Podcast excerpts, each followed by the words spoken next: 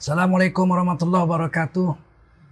Hamdan wa syukran lillah wa salatan wa salaman ala rasulillah wa ala alihi wa sahbihi wa mawala. Kaum muslimin muslimat di mana pun anda berada. Salat berjemaah adalah satu amalan yang sangat baik. Afdol. Dalam madhab syafi'i hukumnya fardu kifayah dengan syarat timbul syiar. Di dalam kitab Majmu' Syarhul Muhadzab, Imam Nawawi menjelaskan sedemikian. Artinya walaupun yang berjemaah itu dua orang, satu masjid itu, maka telah gugurlah fardu kifayahnya. Ada berkumandang azan, telah gugurlah fardu kifayahnya. Di dalam uh, pendapat Imam Syafi'i uh, yang kuat, maka mesti separuh dari laki-laki di kampung itu berjemaah ke masjid. Barulah gugur ke fardu kifayahan sholat berjemaah. Demikian salah satu keterangan yang kami nukilkan dalam kitab Majmu' Syarhul Mu'adzab. Tetapi saudara-saudara sekalian, di dalam masalah yang terjadi di luar kebiasaan, seperti misalnya ada wabah, maka tidaklah kita mesti mendatangi uh, uh, sholat berjemaah itu dengan memaksakan diri. Sebab ada uzur yang dibolehkan sehingga gugurnya kewajiban sholat berjemaah atau keafdolan sholat berjemaah itu. Bahkan sholat Jumat bisa gugur dengan adanya uzur.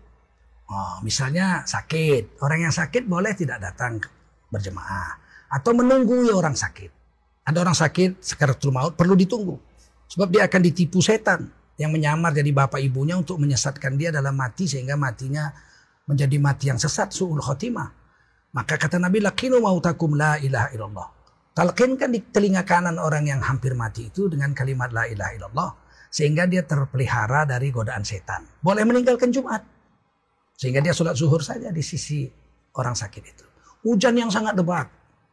Nah, sehingga kita bisa meninggalkan sholat Jumat atau sholat lima waktu.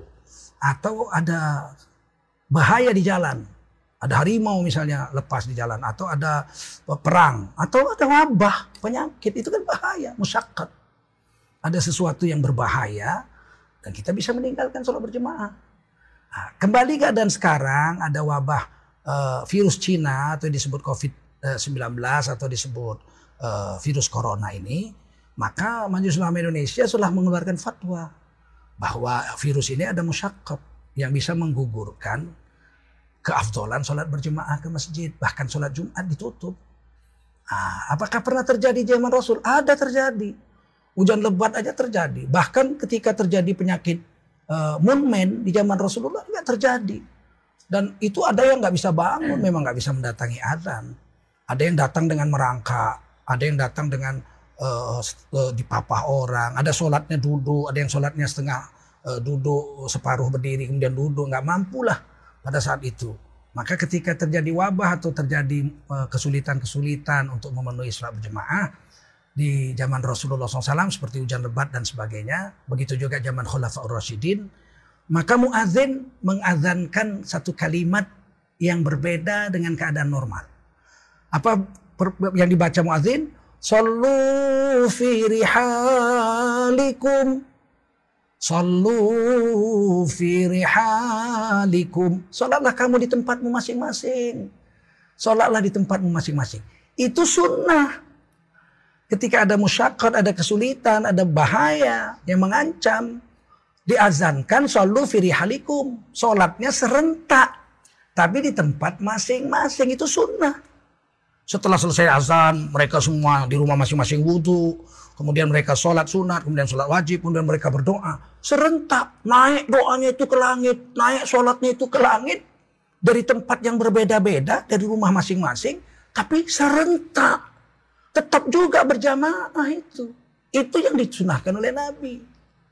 Nah ketika kita kemudian membuat yang baru. Kita datang ke masjid. Bawa sajadah masing-masing. Tapi sopnya 2 meter, 2 meter. Ini menyalahi sunnah. Pertama membahayakan diri.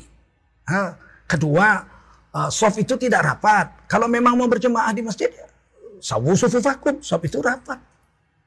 Karena bunyanun marsu seperti tembok yang satu. Nah kita nggak berani rapat takut penyakit. Yang paling bahaya hati was-was. Kita sholat tiba-tiba sebelah bersih. Waduh, corona menyebar ini. Sudah tercabut kekhusyukan. Khusyuk tercabut. Jadi Muadzin tetap azan. Menyerukan sholat tetap. Tapi sholatnya sallu firi halikum. Allahu Akbar, Allahu Akbar. La ilaha illallah. Sholat masing-masing. Nah, inilah yang diajarkan oleh sunnah. Kita datang ke masjid, sholat, tapi was-was. Oh, ketakutan kena corona atau penyakit, wabah. Sopnya jauh-jauh. Yang bersin langsung dijauhi. Ada yang selesai sholat, kamu bersin, dimarahi. Nggak usah datang kamu kemari. Loh bukan dia saja yang nggak usah datang yang bersin itu. Kitanya pun nggak usah datang. Yang bersin dianggap akan menularkan. Dan kita sendiri mendatangi sesuatu yang bisa menularkan kita. Dua-duanya dilarang. Jangan kita mendatangi sesuatu yang bisa menularkan penyakit dan kita jangan menularkan penyakit. Menularkan penyakit tidak boleh, mendatangi supaya ketularan juga tidak boleh. Ketika terjadi satu wabah di satu negeri, kita nggak boleh datang ke tempat itu. Dan kalau kita di tempat itu sedang terjangkit wabah, kita nggak boleh keluar ke tempat lain. Dua-duanya nggak boleh. Nah, di, kalau di luar sini, di luar rumah kita ada wabah, ya kita di rumah, di dalam rumah. Keluar rumah kena wabah, nggak boleh. Atau kita sudah kena. Ya sudah kena kita isolasi diri. Jangan kita membawa wabah keluar. Dua-duanya dilarang Rasul. Ketika kita menjalankan sunnah Rasul ada kejayaan. Ketika kita taat pada ulama-ulama kita. Al-ulama warasatul anbiya. Para ulama itu pewaris Nabi. Mau sama siapa lagi kita mau taat. Kita bukan ulama. Ya kita taat fatwa ulama. Apalagi keputusan fatwa Majelis Ulama Indonesia itu ijtimaiyah. Enggak satu orang yang memutuskan. 50 lebih anggota majelis fatwa yang semuanya adalah pakar-pakar dari 60 ormas Islam yang ada di seluruh Indonesia yang duduk sebagai perwakilan di Majelis Ulama Indonesia khususnya eh, Komisi Fatwa. Dan insya Allah selama saya bergabung di Majelis Ulama Indonesia 22 tahun. Fatwa kami nggak pernah dibayar, nggak pernah kami berfatwa itu demi untuk cari duit. Enggak. Majelis Ulama Indonesia tidak digaji, satu rupiah pun nggak digaji. Ini semata-mata betul-betul berkhidmat kepada agama dan kepada kemaslahatan umat.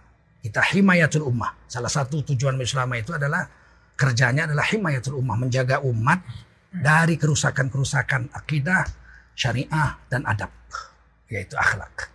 Demikian mudah-mudahan percayaan bisa memuaskan.